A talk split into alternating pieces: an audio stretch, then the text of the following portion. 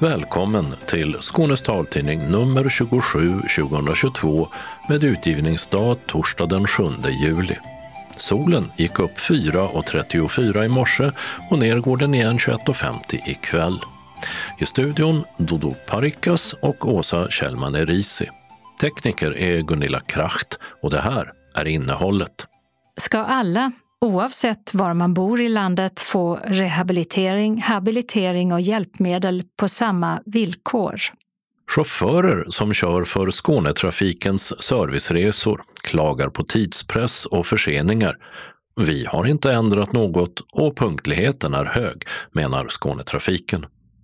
Covid-informationen var dåligt anpassad till personer med dövblindhet och många blev ännu mer isolerade än vanligt under pandemin. Det visar aktuell forskning.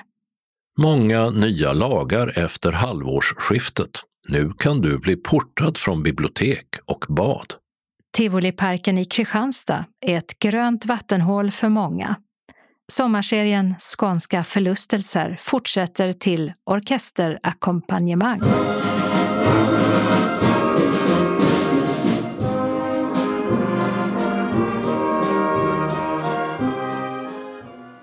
Öppnat och stängt så med konditori, pinzeria och värdshus. Vad visste du om den musikaliske ordvrängaren Povel Ramel? Det är dags för de rätta svaren och vinnarna i årets midsommartävling. Därpå en annons om ett konstnärligt forskningsprojekt som söker synskadade deltagare.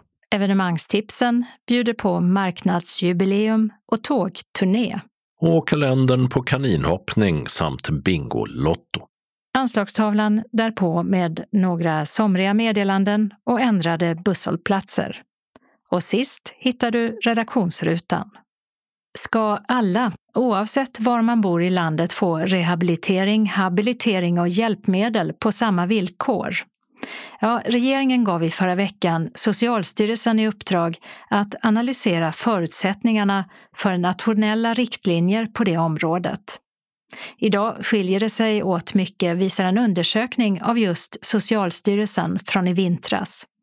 Både när det gäller vad som erbjuds och avgifterna för det. Kvinnor får oftare synhjälpmedel medan det är vanligare att män får förskrivna hörapparater till exempel. Dessutom är skillnaderna stora mellan olika kommuner och regioner när det gäller vilka hjälpmedel som förskrivs. Nu ska Socialstyrelsen undersöka möjligheten att ta fram nationella riktlinjer och också analysera vilka för och nackdelar sådana kan medföra. Resultatet ska vara klart i februari nästa år. Efter att pandemirestriktionerna försvann så har resandet med färdtjänst och sjukresor gått upp och under våren har taltidningen hört resenärer berätta om fler sena bilar än vanligt. Och I förra veckan så publicerade Sydsvenska Dagbladet en artikel där chaufförer för Skånetrafikens serviceresor klagar på nya tuffare scheman med små marginaler för fel, en ständig kamp mot klockan och många förseningar som följd. En av dem berättade för tidningen att han inte hinner gå på toaletten på dagarna. Men punktligheten för Skånetrafikens färdtjänst och sjukresor är lika hög som vanligt och något nytt schema har vi inte infört. Det säger Katarina Molin som är affärschef på Skånetrafikens serviceresor. Att det skulle vara fler förseningar än vanligt eh, för tillfället är ingenting som jag har uppgifter eller data om. Ett av de nyckeltal som vi följer väldigt noga är ju just punktligheten. Och där ligger vi i princip ständigt mellan 90 och 95 procent. Och jag tror att den senaste månaden låg på 92 procent. Så att det i sig indikerar inte att vi skulle ha fler förseningar än vanligt. Har det varit så hela vägen sedan pandemirestriktionerna försvann i vintras och folk började resa mer kanske? Det här med punktligheten den, den går lite eh, upp och, och ner och, och, det kan bero på lite olika omständigheter. Men eh, vi ligger eh, faktiskt alltid på en god punktlighet mellan som sagt 90 och 95 procent.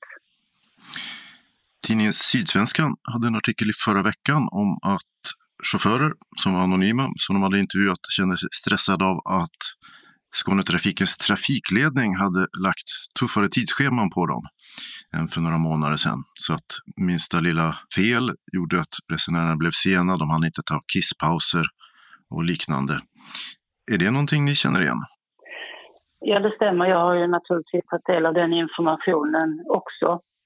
Däremot så kan jag korrigera att det stämmer inte. Vi har inte gjort några ändringar i schemaläggningen. Det vi har gjort för några månader sedan är att vi ehm, förare som eh, ringer i rena arbetsgivarfrågor hänvisade vi tillbaks till deras arbetsgivare. Därför att det har varit ett problem som har växt till sig faktiskt under de senaste eh, åren och som nu har eskalerat och blivit så stort att vi kände att vi var tvungna att agera. Och det är just att förare belastar vår linje in till trafikledningen med frågor som inte direkt rör den aktuella körningen eller schemaplaneringen. Det kan vara frågor om att man behöver ha ledigt, till exempel. Man kanske behöver gå till tandläkaren eller har ett läkarbesök eller man behöver sluta tidigare för att eh, hämta ett barn på dagis eller liknande frågor. Och eh, då anser vi att det måste man vända sig till sin arbetsgivare och eh, hantera de frågorna och inte till vår trafikledning. Till oss ska de bara ringa i frågor som rör körningen eller det aktuella schemat för dagen. Har du någon förklaring till varför chaufförer hör av sig med sådana frågor till er? Jag tror att det finns ett flertal orsaker det är klart att nu har vi haft en pandemi och färre resor och det har varit lite lugnare. Och eh, vi har ju även haft restriktioner som har inneburit att man har till största delen rest ensam i fordonet. Så det är klart att när nu resandet går igång igen och allting börjar återgå till det normala så blir detta en förändring både för våra förare men även för våra kunder, tänker jag att vi lite grann behöver vänja oss vid att återgå till det normala igen. Om jag förstod det rätt, då, ni har inte ändrat på någonting då när det gäller tidsscheman och liknande? Precis. Det som har hänt är ju att vi ser en förändring i vissa resandemönster och i typen av resor. Våra sjukresor har ökat. Färdtjänstresorna har inte riktigt kommit upp till samma nivåer som vi hade före pandemin. Sen å andra sidan så ser vi att färdtjänstresorna har inte gått ner lika mycket i början på sommaren som tidigare år. Så att det är en del förändringar som har varit svåra för oss att förutse och, och hantera av den anledningen. Men det är inga förändringar som är gjorda när det gäller själva schemaläggningen och den tiden som avsätts för varje resa. Den är samma som det har varit hela tiden. Fler sjukresor, det kan man ju tänka sig beror på att det är fler som ska opereras till exempel. För det har ju legat lite på is i sjukvården under pandemin. Och kanske fler som vill vara ute och festa eller göra saker nu i sommar också. Ja men precis, sjukresorna har ökat och det sätter vi ihop med den sjukvårdsskulden som har byggts upp under pandemin där man i, i större utsträckning reser för att få hjälp på annat håll än kanske på det egna närmaste sjukhuset. Sen tror vi även när det gäller färdtjänstresorna att det finns lite grann ett uppdämt behov som du nämner. Att man, man är lite sugen på att komma ut och, och resa och träffa vänner och bekanta och göra saker. Mm. Ja, pandemin ja, det finns ju vissa tecken på att den kan skjuta iväg igen. Ökad smittspridning i åtminstone andra delar av landet. Har ni någon kristallkula att titta i hur det kommer att gå med färdtjänst och serviceresor framöver? Ja, vi önskar ju verkligen att vi hade en kristallkula, men det har vi tyvärr inte. Och det är klart att vi också har nåtts av eh, den här informationen. Vi eh, avvaktar och eh, tar en dag i taget som det ser ut just nu så är covid inte klassad som en samhällsfarlig sjukdom och det finns inga restriktioner. Utan vi kör resor som vanligt och det betyder att eh, skulle man bedöma att eh, man behöver resa ensam med anledning av en eh, covid-smitta så behöver man ett läkarintyg för det. Om det nu är så att man står där och väntar på sin färdtjänst eller sjukresebil och den är sen eller om man är missnöjd med något, eh, vad gör man då? Det är väldigt viktigt att man hör av sig till vår kundtjänst om man upplever att det är någonting som inte har fungerat som det ska. Det är det enda sättet som vi kan på riktigt arbeta med förbättringar och, och det vill vi gärna. Så eh, jag uppmanar alla våra kunder skulle det vara så att man upplever att det inte har fungerat, eh, till exempel en eh, försening, så ta en kontakt med vår kundtjänst och meddela det där, namn, tidpunkt och datum så att vi kan hitta resan. Så kommer vi att titta in på orsaken och vidta åtgärder. Hela tiden arbeta för att bli bättre. Sa Katarina Molin, affärschef på Skånetrafikens serviceresor. Och vi kan i sammanhanget tillägga att dess affärsområdeschef Titti Unosdotter har avslutat sin anställning på Skånetrafiken och att det förbereds en ny rekrytering till den posten. Reporter var Mats Sundling. Covid-informationen var dåligt anpassad för personer med dövblindhet och många blev ännu mer isolerade än vanligt under pandemin. Det visar aktuell forskning gjord av Moa Wahlqvist på Örebro universitet.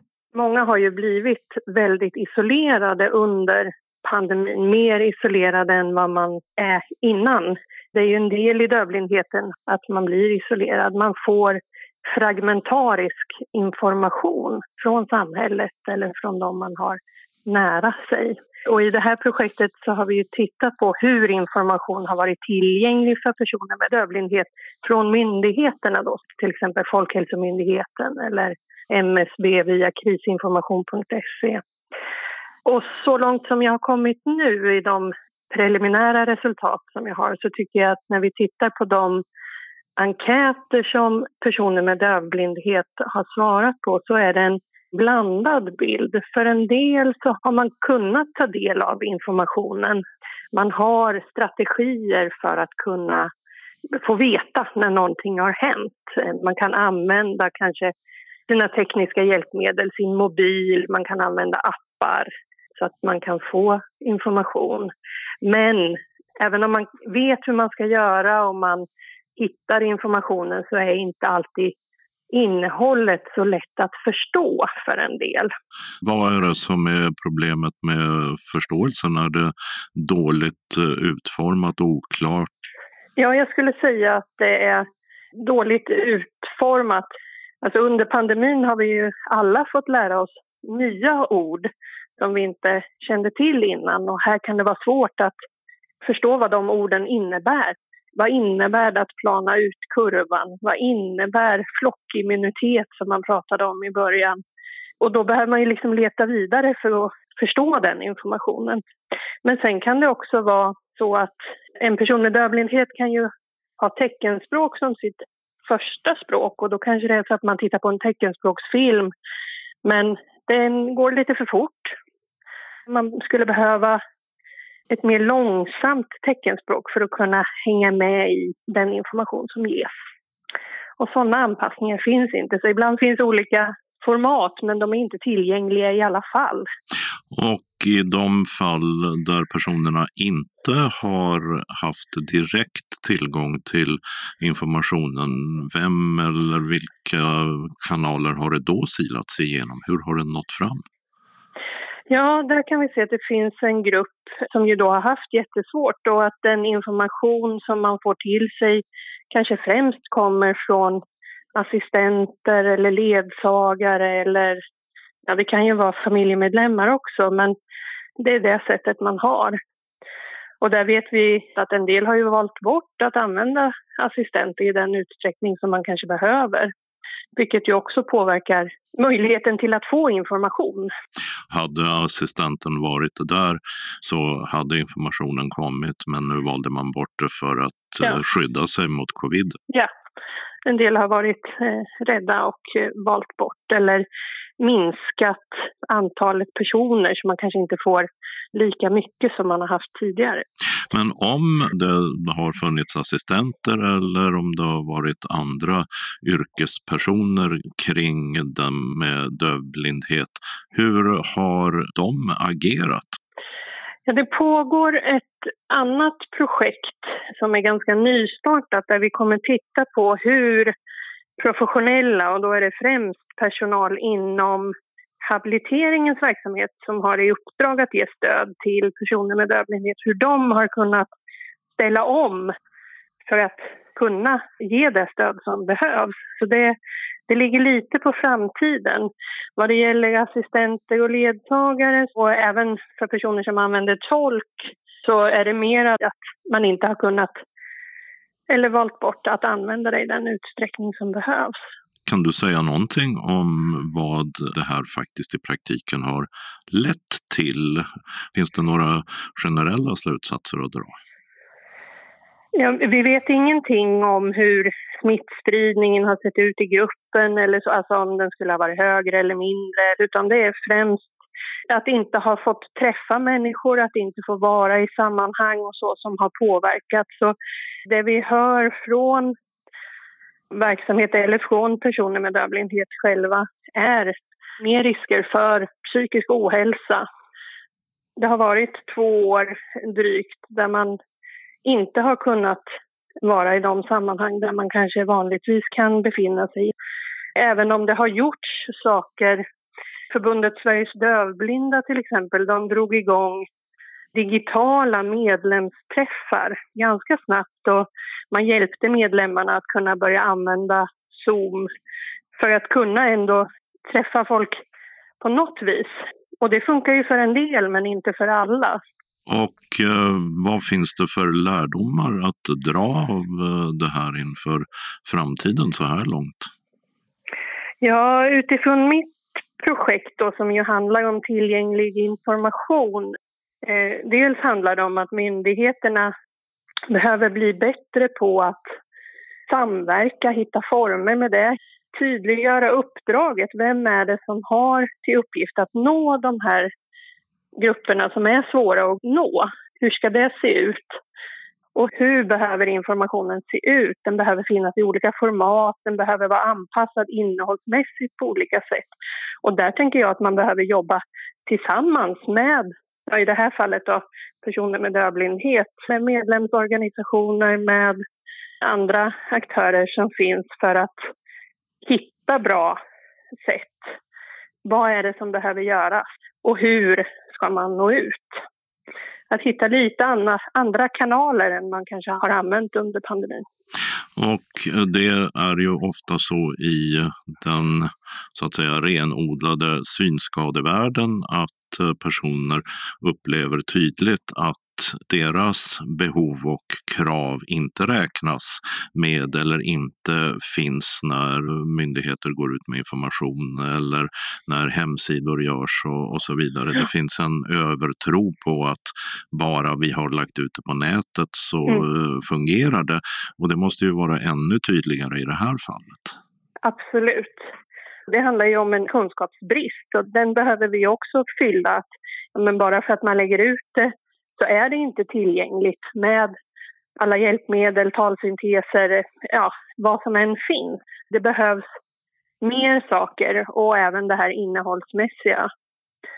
Att hitta eh, bättre sätt att ge information på. Du sa att eh, forskningsmaterialet är inte färdigbehandlat. Du är inte helt färdig. Tror du att det kommer att framkomma saker och ting ytterligare som klargör eller hur ser du på det? Jo, men det tänker jag. Eh, jag tror att man kan se kanske fler mönster. Ja, men den här skillnaden mellan vilka som har kunnat ta del av information och de som inte har kunnat det. Nu pratade jag om hur man har fått till sig den eller vad man kan själv. Där tänker jag att det finns säkert fler saker som kan kanske ge en mer nyanserad bild av hur skillnaderna ser ut. Det sa Moa Wahlqvist, forskare knuten till Örebro universitet och medicine doktor i handikappvetenskap. Och den som vill veta mer om projektet kring krisinformation under pandemin till personer med dövblindhet kan den 15 september 8.30 till 9.30 ta del av en föreläsning på nätet via Zoom med bland annat Moa Wahlqvist. En länk kommer att finnas på hemsidan nkcdb.se. Reporter Dodo Parikas. Vid halvårsskiftet, alltså den 1 juli, så började ett antal nya lagar och avtal att gälla. Och här är några av de viktigaste. Nu kan man bli portad från bibliotek och bad. Den nya lagen om tillträdesförbud kan tillämpas när det finns risk att besökare begår brott eller allvarligt trakasserar personalen eller andra besökare. Den som bryter mot förbudet kan få böter eller fängelse upp till sex månader. Fram till nu kunde besökare komma tillbaka samma dag som de kastas ut för att ha bråkat och stört. Avgiften till arbetslöshetskassorna blir avdragsgill till en del. 25 procent av avgiften under året ger nu rätt till en avräkning mot den beräknade skatten. Brottsmisstänkta som medverkar i utredningen av andras brott ska kunna få ett lindrigare straff. Syftet är att få fler i kriminella nätverk att samarbeta med polisen. Skyddet av vittnen stärks också. Övergrepp i rättssak, grova fall av mened och skyddande av brottsling ska kunna leda till betydligt strängare straff än tidigare.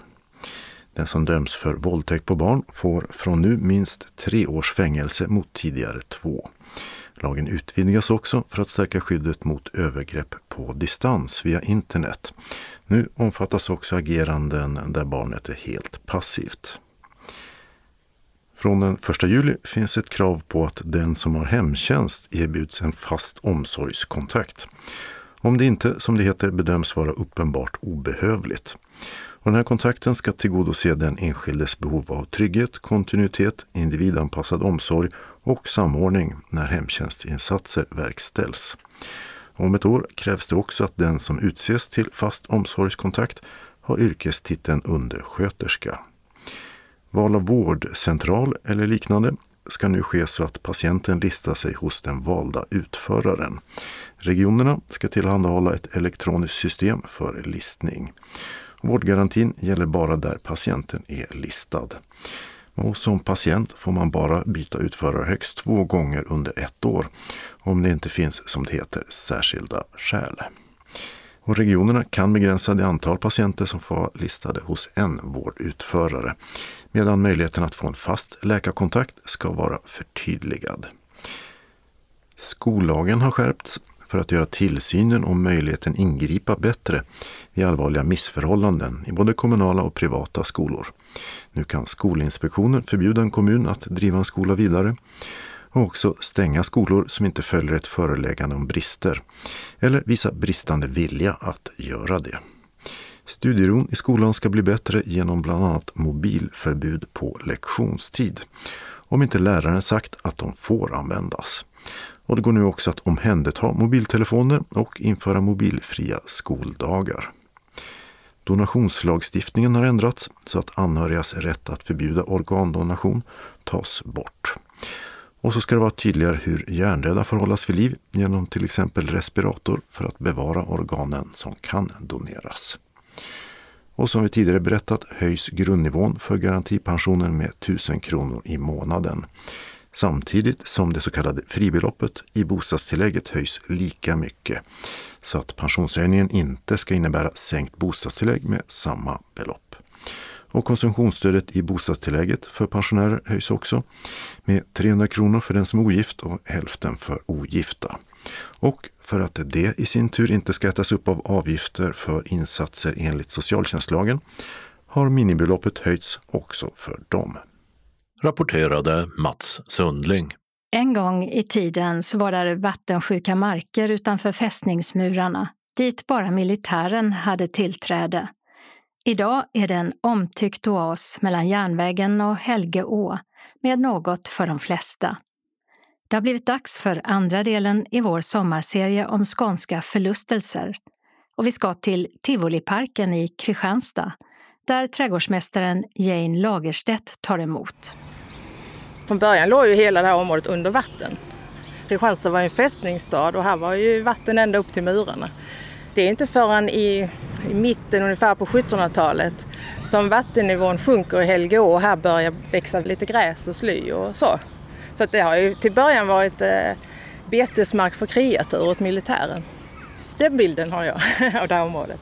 Och det var militärer inblandade i början? Ja, alltså, som hela Kristianstad är ju byggt Kristian IV som en fästningsstad. Så har den ju alltid varit i militärens ägo. Och just det här området, när det blev ängsmark så var det bara militären som fick lov att använda och gå ut på området. Det kallades för kommendansängen. Och en av kommendanterna i början av 1800-talet var den första som bebyggde platsen och gjorde ett sommarviste. Där vi har teatern idag som var en av öarna där det har torrast sommartid. Men det var hans privata eller fick vem som helst komma dit? Ja, till början var det han och hans fru. Och eh, de var ju väldigt växtintresserade och började att plantera runt det här sommarhuset. Och också planterade man alléer längs de två gångar som gick till sommarhuset. Senare blev det lite känt och då var det fler och fler som kom dit. Det är ju inte förrän när man lägger ner Kristianstad fästningsstad 1840-tal som det här blir en allmän promenadpark. Men att vi har planterat det tack vare då när kommendant Cedergren som i början av 1800-talet började plantera. Och när han dör så kräver hans änka betalning för 100 träd. Så så mycket planterade man här nere. Fick hon de pengarna? Ja, hon eh, hotade ju till slut med att såga ner alla träd. Så att då fick hon en prutad summa, sägs det. Så att våra äldsta planterade träd är då från innan 1835. Men vårt absolut äldsta träd är frösådda ekar.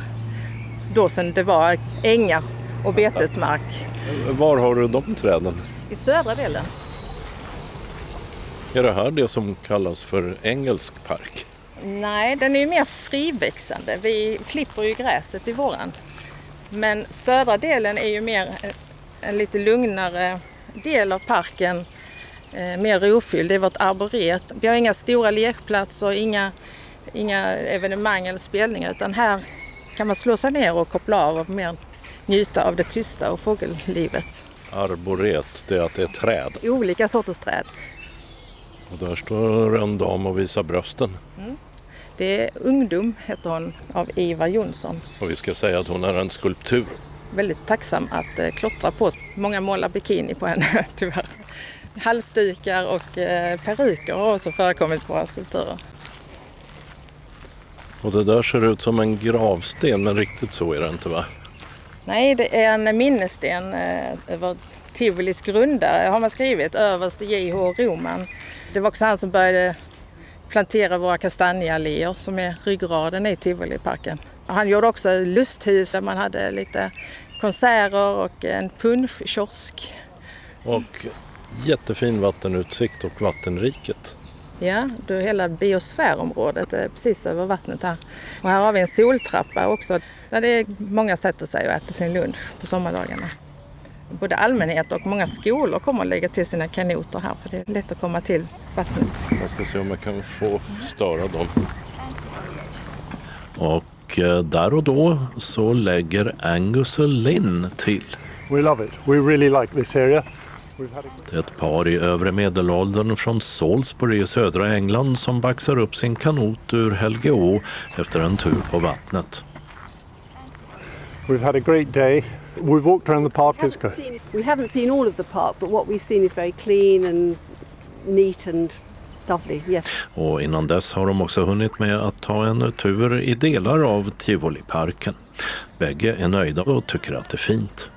Interesting. Different types of plants. Um, it's possible that you could have slightly more wilder areas. The trend in England is to have wilder meadows to get the pollinators there, the flowers. And we started at down in the south and a little bit up Yeah, there. So it's a, it's a Quite yeah. controversial, Yes. that's the trouble. Some people like grass cut down low, but I think more people are coming to believe it should be flowers.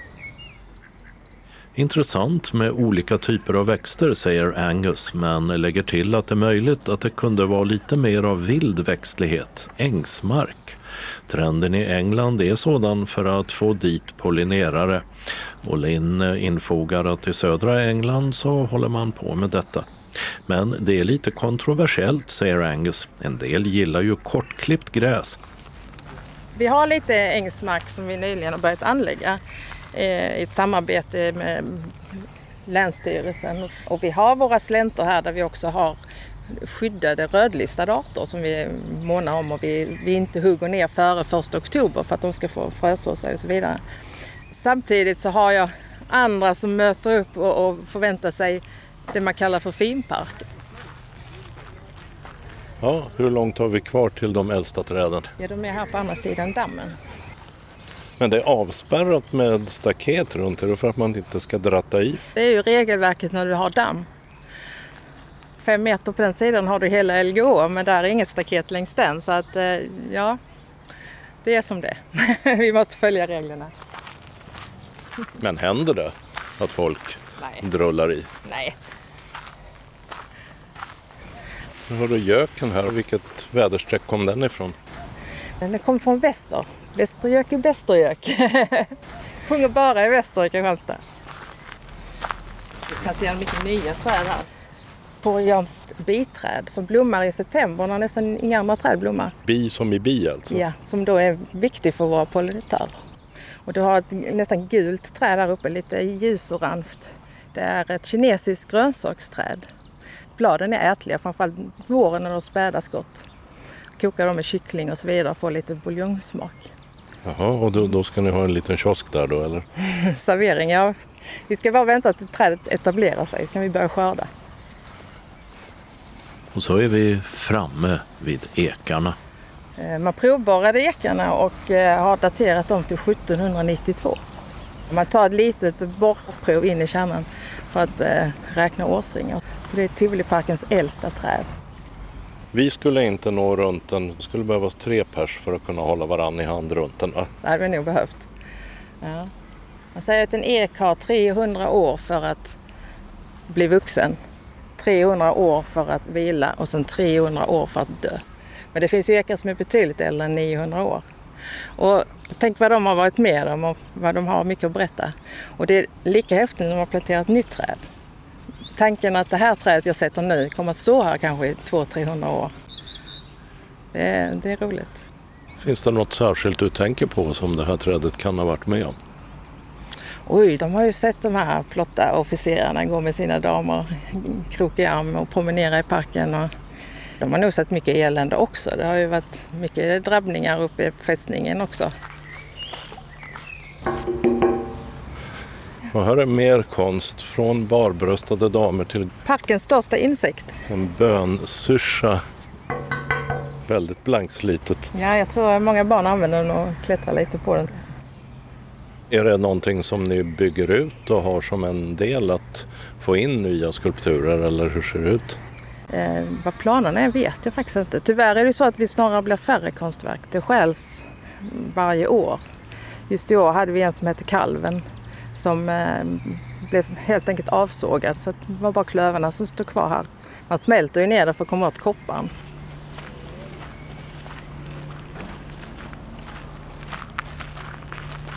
Det här är hälsoträdgården som är en liten ö i Tivoliparken.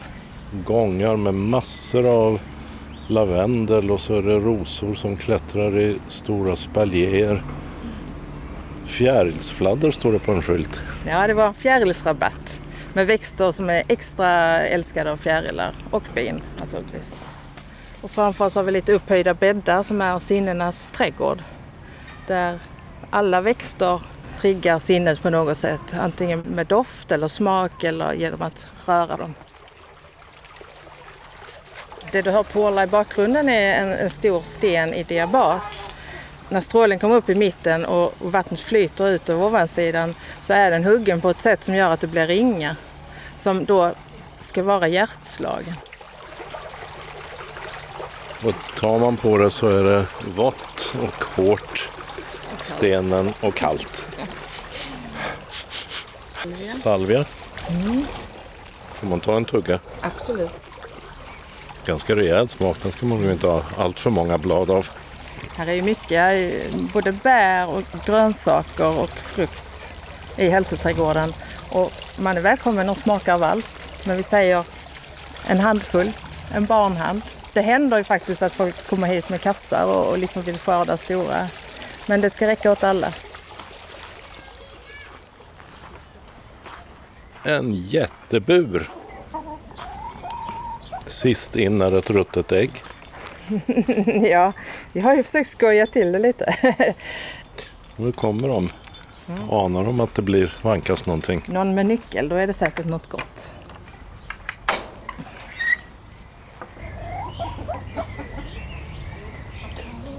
Är det lantraser eller? Tuppen är ju, en- det vill säga för blomsterhöns, blomstertupp. Hönorna är blandras faktiskt från vår, vår tidigare hönsgård. Där vi hade många olika raser och sen lät vi dem få kycklingar. Så det är kanske en helt egen ras. Tivoliras.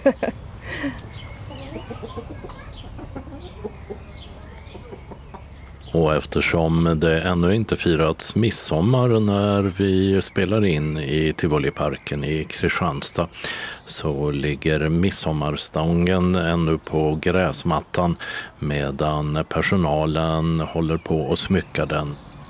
Det här är sommarblommor som har blivit över i Viby, våra växthus. Så vi klipper och sen så lindar vi Sverigeband runt själva mittstången sen. Jag sätter jag flaggorna i toppen.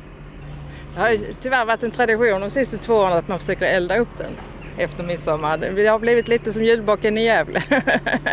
I taltidningens evenemangstips så har vi ofta med Kristianstads teater. En byggnad här i Tivoliparken signerad arkitekten Axel Anderberg som även ritat Stockholmsoperan och Sankt Johannes kyrka i Malmö. Teatern är en ljus byggnad i jugendstil med eh, det tidiga 1900-talets mjuka organiska former. Invigdes 1906 eh, med midsommarnattsdröm. Och ryktet hade gått att Oscar den andre var i staden så att hela kommunstyrelsen klädde sig i galadräkt. Men eh, kungen dök tyvärr aldrig upp. Men nu är det inga teaterföreställningar för att det är sommar. Ja, det brukar ha premiär i början av september. På helgerna har vi musikaler. I höst kör vi The School of Rock. Till våren sen kör vi The Phantom of the Opera. Till slut. Vi har skjutit upp den två gånger. Vi hann börja att köra, sen kom eh, pandemin. Det här är teaterns scenchef Ossi Tauriainen. Vi tar den närmsta dörren här. Eh, Just nu står vi lä- längst bak på parketten och ser scenen framför oss. Totalt har vi 362 sittplatser. Och så är det rött och guld och Ja, just det. Färgerna går i rött eller vinrött. Bladguld på, på stuckaturen och ornament som finns här. hur är det en eh, fullsatt eh, föreställning? Det är helt annat att se något framföras live än om, om man tittar på något inspelat.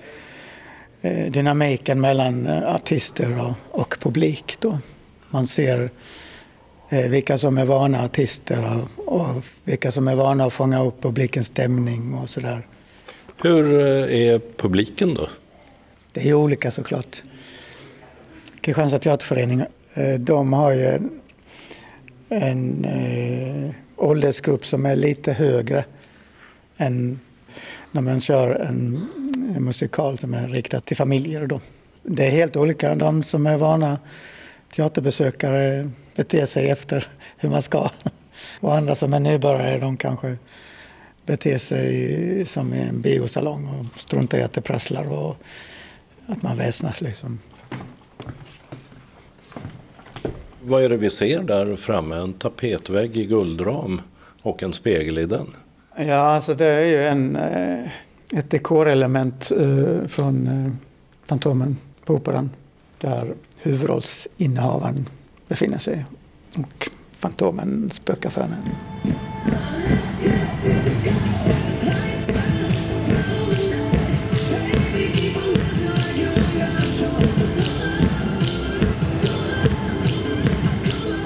På en av parkens gräsmattor öppnar sig en något oväntad bild.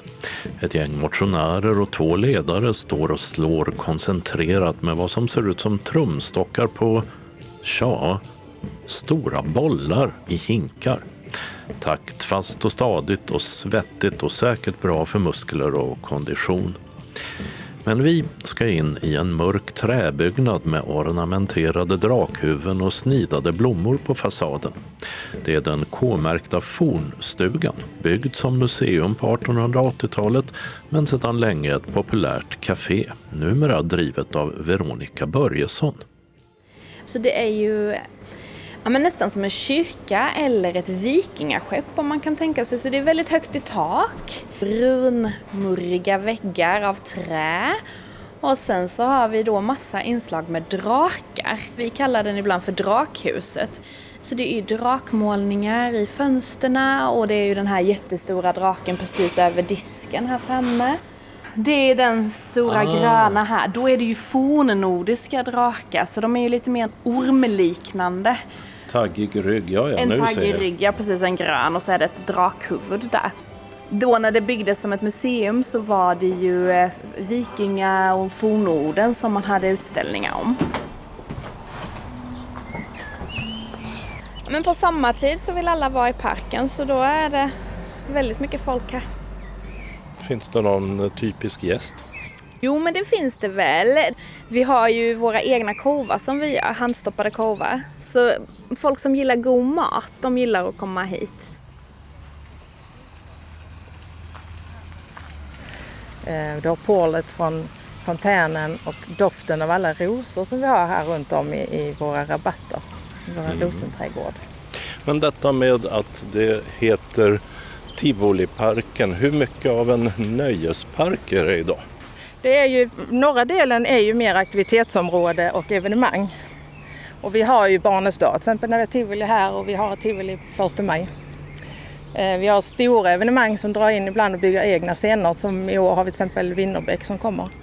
Eh, men vi har ju varje torsdag strandhuggspelningar på vår scen. Så att det är en levande parkmiljö med mycket musik. Och på scenen, där förbereder sig Hemvärnets musikkår för sin strandhuggskonsert medan publiken samlas.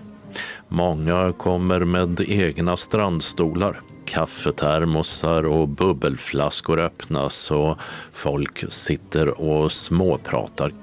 Jag heter Mia Persson Fröjd. Och eh, är det första gången du är här eller? Nej det är det inte, men i år är det faktiskt det. Min väninna här kommer upp från Malmö, hon älskar sån här musik så då passade vi på. Du har gula briller på dig, är det av någon särskild anledning? Ja, alltså, du såg det. Det här är mina mörkerkörningsglas. Så jag har problem med gula fläcken. Så de här är guld värda. Jag heter Robin Wall. Och din roll är dirigentens? Ja, det stämmer. Så när jag konferenserar också. Det är en bra bit kvar till konserten ska börja och det är redan massor med folk som väntar. Ja men det är jätteroligt och vi har haft vädret med oss. Och sen är det ju på grund av pandemin så är det tre år sedan sist vi spelade så jag tror att det finns nog kanske ett sug efter att få komma hit och lyssna på musik. Så det känns jätteroligt att det är mycket publik.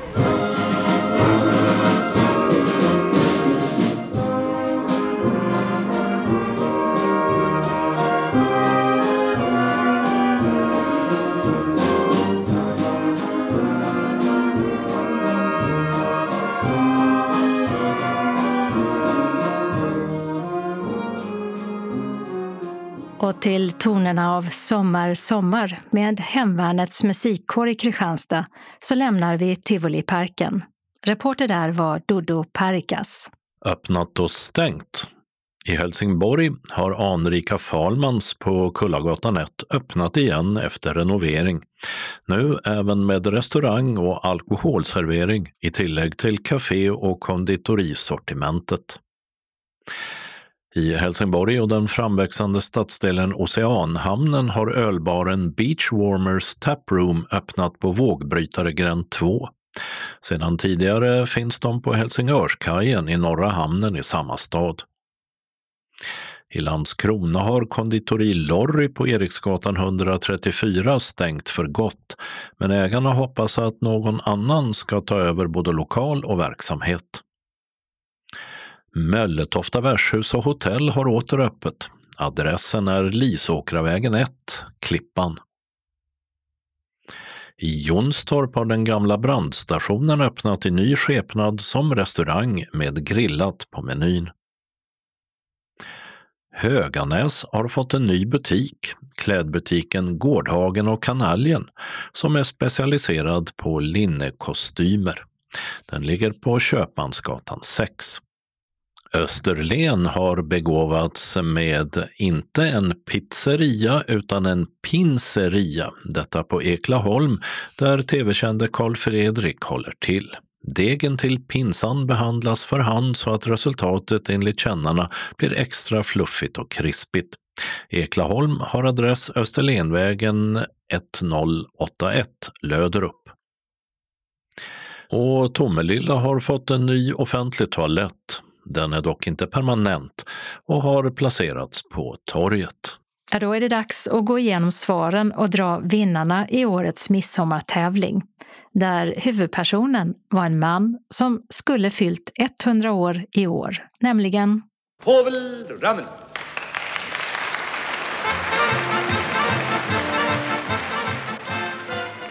Ja, Povel Ramel var ju tävlingens huvudperson. Och den första frågan handlar om vem som sjöng hans låt Vårt eget Blue Hawaii från 1942. Won't you take me back to Blue Hawaii så löd en gammal melodi här har jag en översättning som jag gjort och den är lika sann som fri Vi har vårt eget Blue Hawaii på en liten skärgårdsö Där finns allt vi vill ha i precis lika bra miljö Vi är bara där hela dagen men har aldrig Och rätt svar det var Alice Babs, en etta. I andra frågan handlade det om valstakt. Vi hörde på Johanssons boogie-woogie-vals och undrade hur många taktslag det är om låten går i just valstakt. Och svaret kommer faktiskt senare i låten.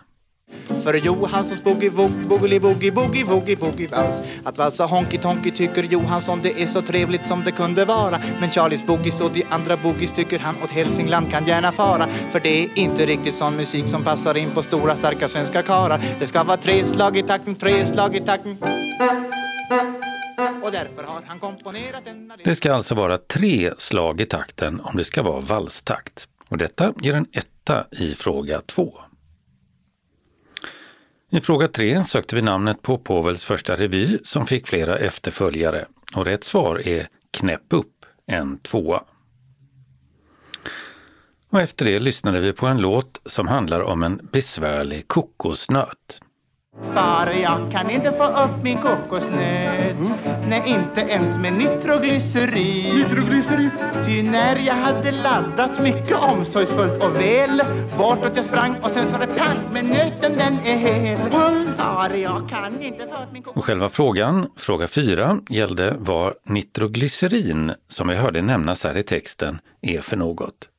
Och det är varken en borrmaskin eller ett starkt frätande ämne utan ett sprängmedel, en etta. I femte frågan sökte vi namnet på Povels son. Vi hörde låten En ren familjeprodukt som Povel skrev och sjöng tillsammans med sonen. Och rätt svar i fråga fem är Mikael, ett kryss. I sjätte frågan sökte vi namnet på en duettpartner från Norge som sjöng Jag diggar dig från 1974 tillsammans med Povel.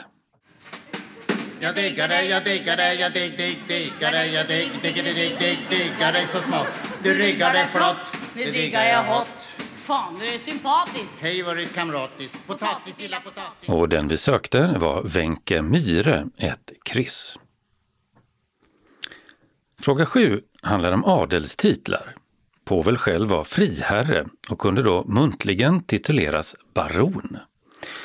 Men det finns en grad som räknas högre inom svensk adel och det är greve, en tvåa. I fråga 8 sökte vi namnet på mannen som sjöng Povels populära barnvisa Lingonben.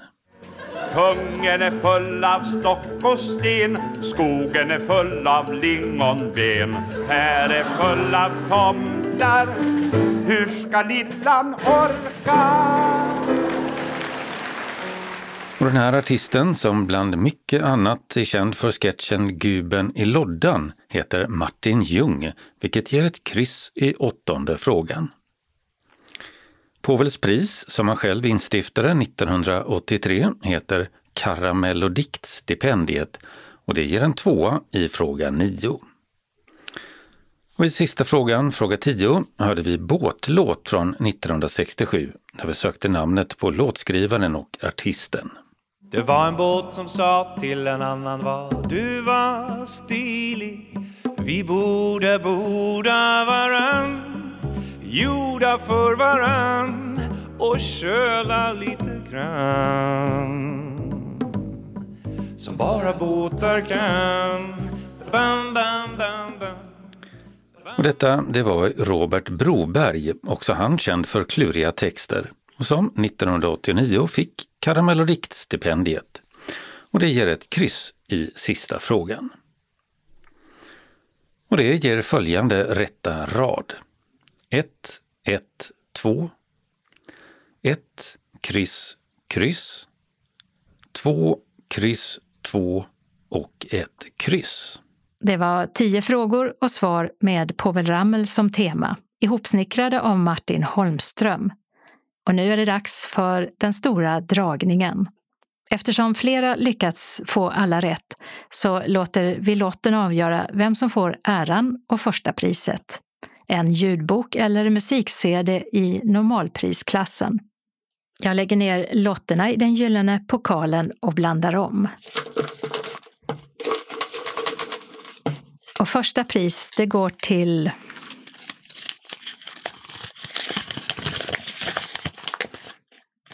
Ulla-Brita Boman, Helsingborg. Stort grattis!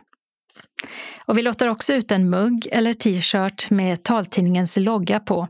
Och det gör vi bland alla som deltagit oavsett antal rätt. Så då blandar ner alla inskickade namn i pokalen.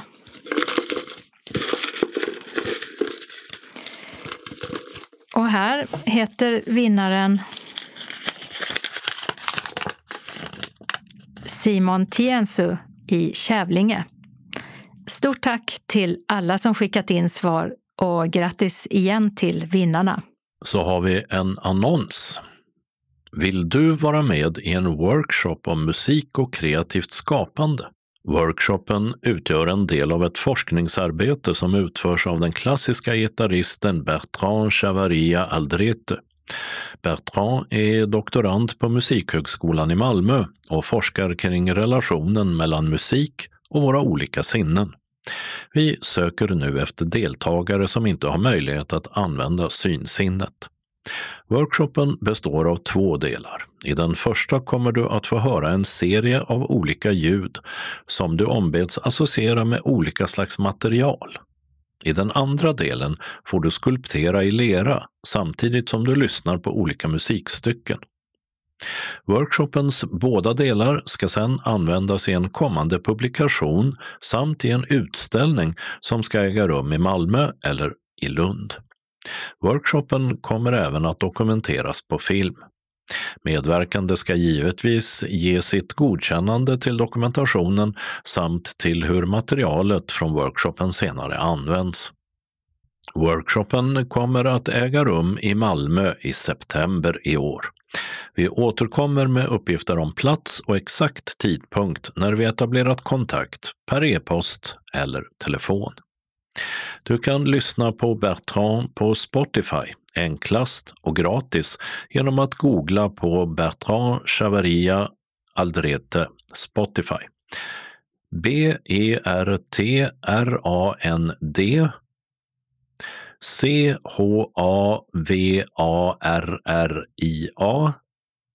Aldrete och Spotify. Varje ord för sig. För mer information om workshopen kontakta Jan-Erik Olsén, handledare till Bertrand, antingen via e-post jan-erik.olsen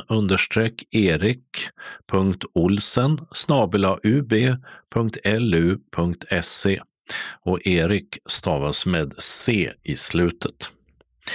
eller ring telefon 0735 28 53 90 eller hör av dig till Bertrand Chavaria Aldrete, e-post bertrand.chavaria understreck aldrete snabel mhm.lu.se och Chavaria stavas C-H-A-V-A-R-R-I-A. Evenemangstips. I Ystad pågår en internationell matmarknad på Österports torg där man kan köpa och smaka på mat från många olika länder. Den är redan igång och pågår från klockan 10 till 19 dagligen fram till lördagen den 9 juli då marknaden avslutas klockan 17 för att ge sig iväg till nästa stad. Vi har tidigare berättat om en föreställning av Mozarts opera Trollflöjten som framförs av Skånska Operan på Ystad teater den 30 och 31 juli. Men det finns fler platser runt om i Skåne där det är möjligt att se uppsättningen. Den 9 och 10 juli klockan 16 och den 12 juli klockan 19 så är den på Bäckaskogs slott. Den 15 juli klockan 19 och den 16 juli klockan 16 på Hovdala slott. Den 19, 20 och 23 juli klockan 19 och den 24 juli klockan 16 så framförs Trollflöjten på Krapperups musikhall. Till Borgeby slott kan man komma den 26 eller 27 juli för att se Trollflöjten. Sen är det Jordberga gods den 2 och 3 juli alla föreställningarna klockan 19. Palladium i Malmö ger operan den 5, 9 och 10 augusti klockan 19 samt den 6 augusti klockan 16. Och till sist Torups slott i Stenladan den 13 augusti klockan 19 och den 14 augusti klockan 16. Biljetterna kostar från 200 kronor och uppåt och säljs av bland andra Nortic. I sommar är det flera kvällar med stand-up i Svarta bergen som ligger i Hägghult i Lönsboda. Närmast kommer komikern Petrina Solange, Elin Almen och Kristoffer Fernis den 10 juli. Den 17 juli är det Lenny Norman och Farsad Nouri som står på tur.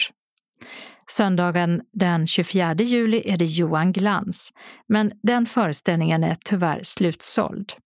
Och sist ut är Henrik Hjelt och Thomas Kaminski den 31 juli. Alla föreställningar börjar klockan 20 och slutar klockan 22. Men serveringen öppnar redan klockan 19. Biljettpris från 320 kronor som Nortic säljer. Musikern Mikael Rickfors uppträder på Medley Musik, Mat och mer som ligger på Södra promenaden 51 i Malmö den 10 juli klockan 20. Biljetterna som kostar 315 kronor säljs av Tixter. Kul i juli-underhållningen med Allsång i Slottshagen i Helsingborg är igång. Den 15 juli uppträder Hasse Andersson, Sunny Taylor, Signe, Martin Svensson med flera. Och den 19 juli kommer bland annat Albin Ganovic, Meta Ros, Lena Frisk, Glimra och Ängelholmsrevyn. Förshowen börjar klockan 18 och huvudshowen 19. Ticketmaster och Dunkers säljer biljetterna som kostar 160 kronor. Den 16 juli börjar Kiviks marknad, som i år jubilerar och fyller 400 år. Och det lär bli en hel del folk, mellan 120 000 och 150 000 besökare räknar arrangörerna med utöver flera hundra knallar och många food trucks så lockar man också under de fyra marknadsdagarna med programpunkter som motorcirkus, stort tivoli, Björn Ranelid som viger par, Mamma Mu och Kråkan show och artister som Klara Hammarström klockan 17 den 18 juli och Drängarna samma dag klockan 20. Inträdet är 50 kronor om biljetten köps från marknadens hemsida och 60 kronor för den som löser biljett på plats. Och hela programmet finns också på hemsidan kiviksmarknad.se. Sista marknadsdag är den 19 juli. Vi har tidigare tipsat om de första veckorna med frukostmöten på Hamnplan i Simrishamn, vardagsmorgnar 8.30 i juli. Onsdagen den 20 juli är det dags för historikern och författaren Gunnar Wetterberg. Från kris till kris, Riksbanken, pengarna och makten heter hans föredrag. 21 juli talar skådespelaren, dramatikern med mera Karina Molander om livet och annat som drabbat oss människor.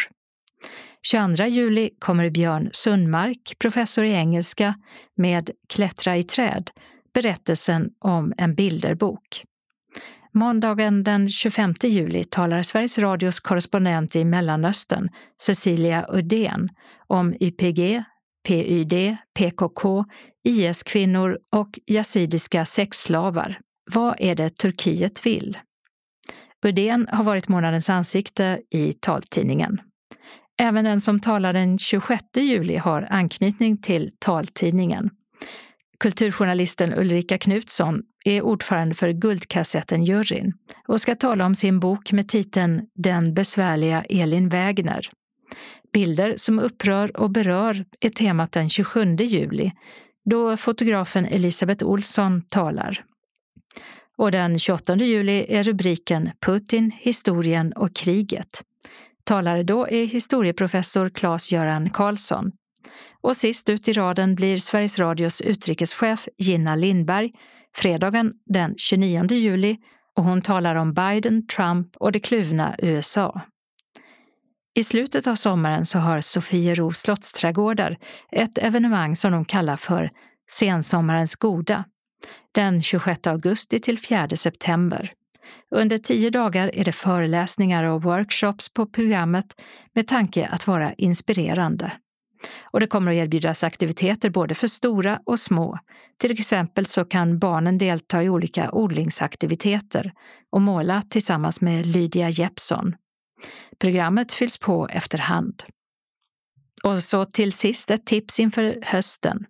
Emil Jensen följer upp sin sommarturné En susar skogen, som han genomför genom att cykla till de olika platserna där han uppträder med en höstturné, men då är det tåget som han tar sig runt med.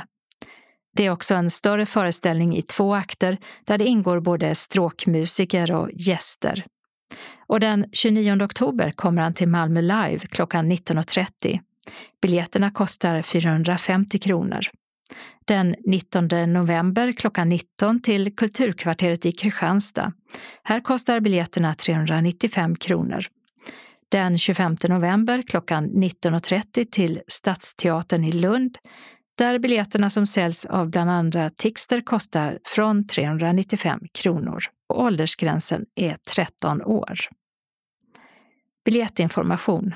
Nartic 0455 61 97 00 Skånska Operan 040 18 75 95 Tixter 0771 47 70 70 Ticketmaster och Ticknet telefon 077 170 70 70 Sofiero Helsingborg 042 10 25.00.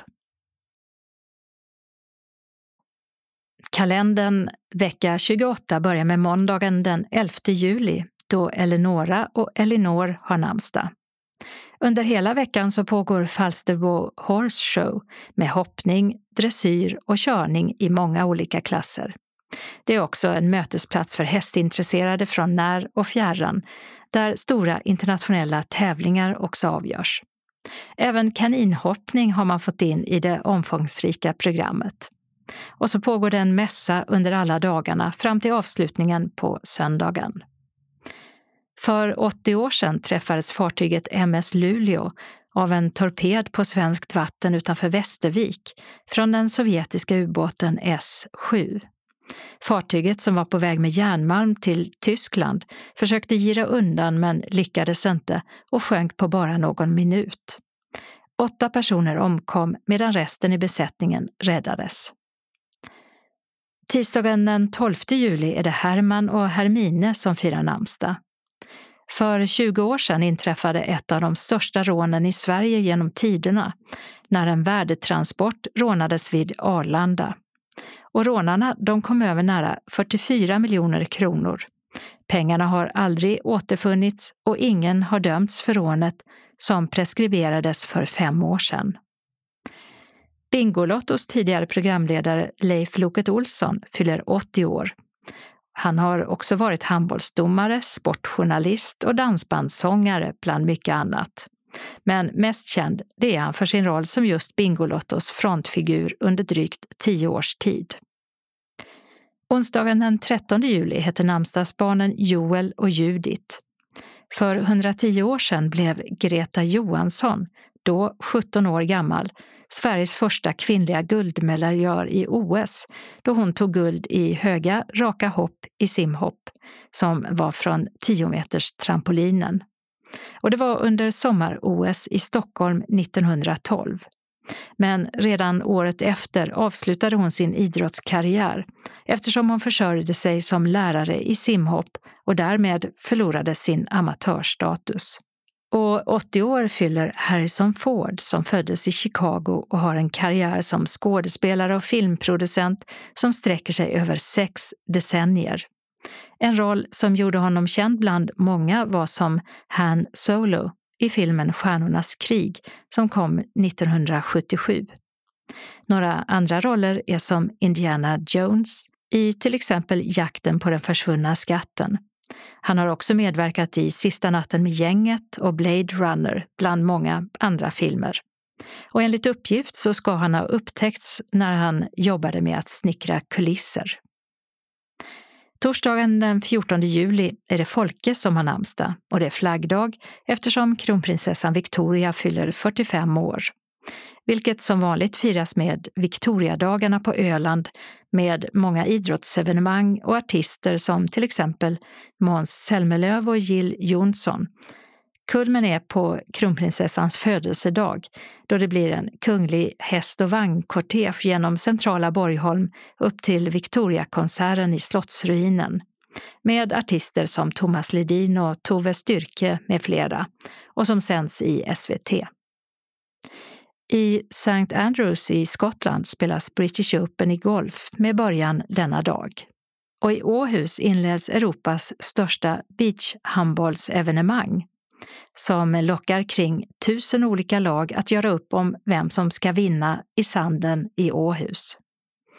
Även i Frankrike hissar man flaggan, trikoloren, i färgerna blått, vitt och rött i vertikala fält eftersom det är nationaldag till minne av revolutionens utbrott denna dag 1789. Fredagen den 15 juli är det Kjell som har namnsdag.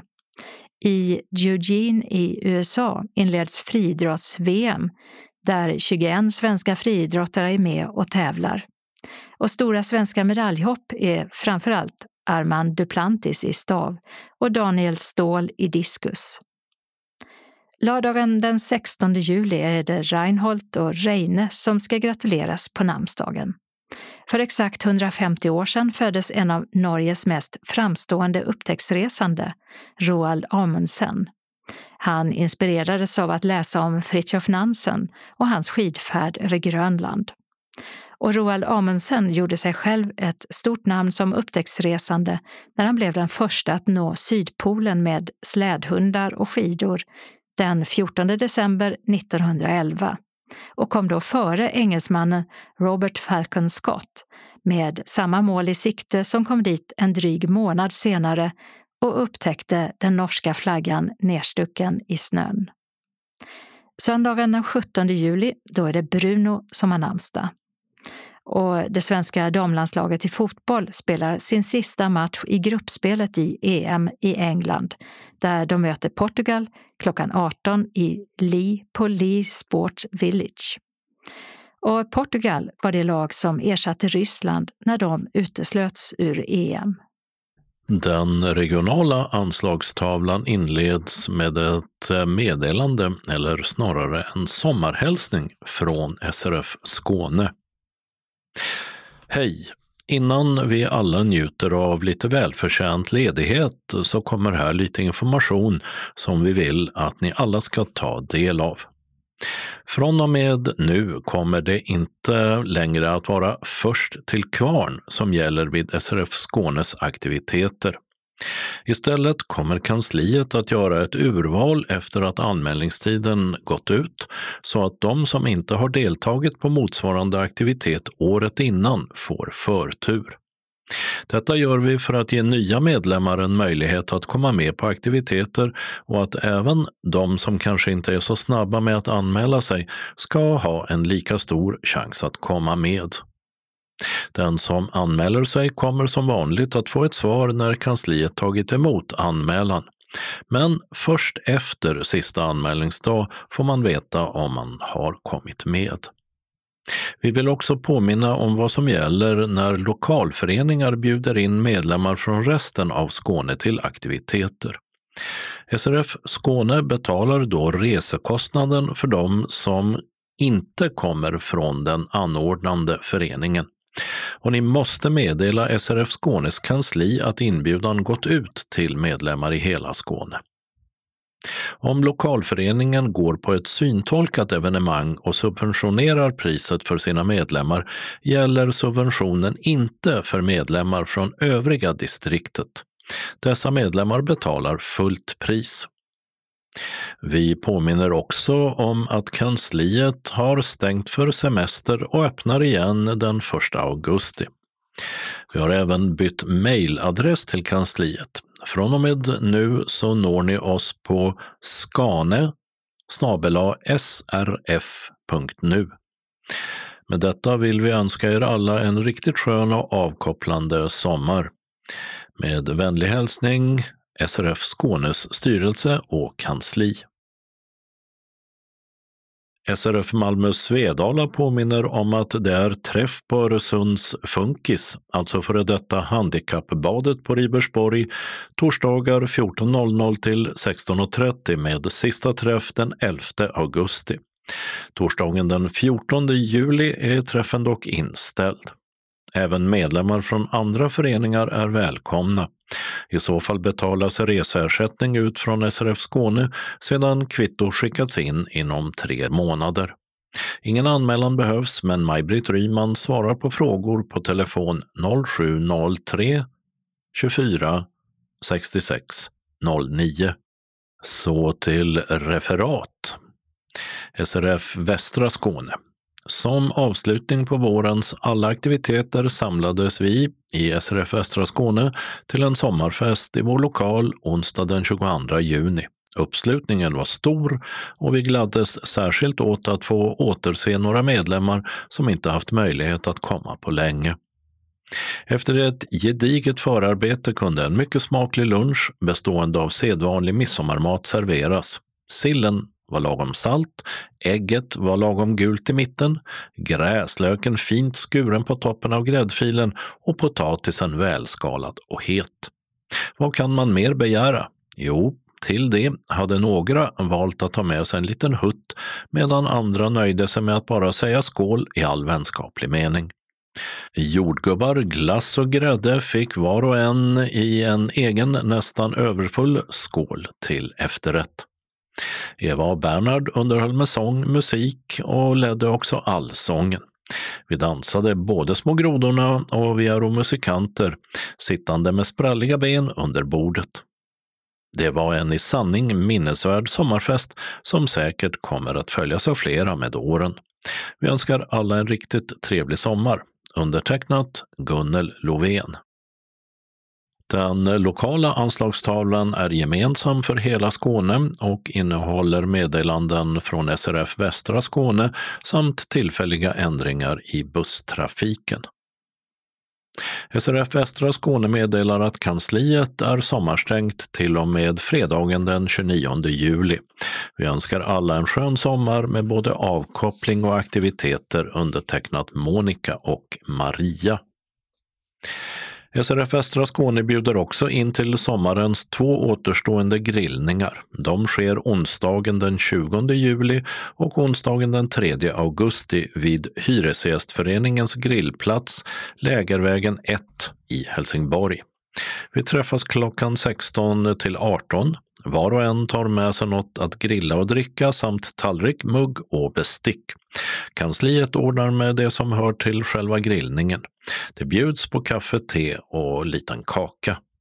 Eftersom ingen vet hur vädret kommer att bli vill kansliet att alla anmäler sig.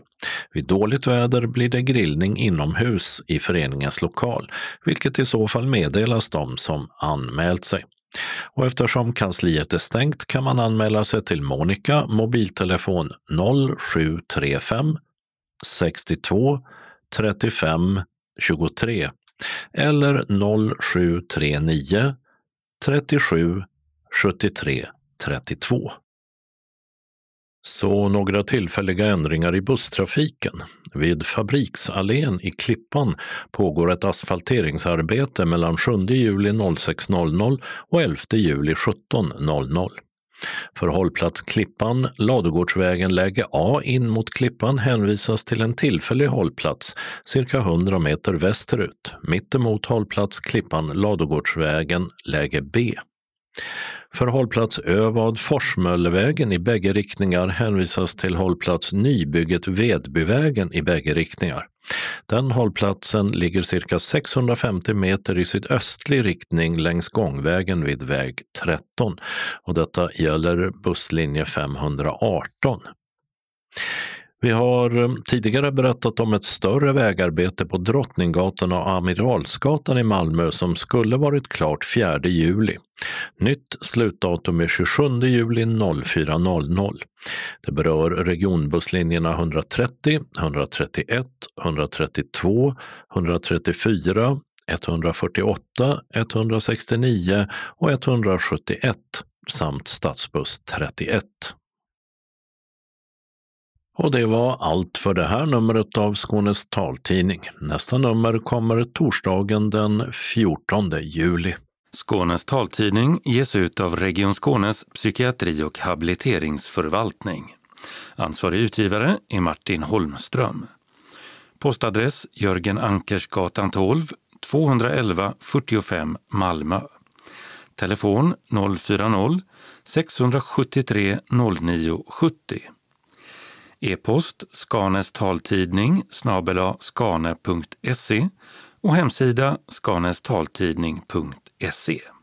Observera att CD-skivorna inte ska skickas tillbaka till oss. Såväl skivor som kuvert kan läggas i brännbara sopor när ni inte längre vill ha dem. Vi hörs igen. Hej då!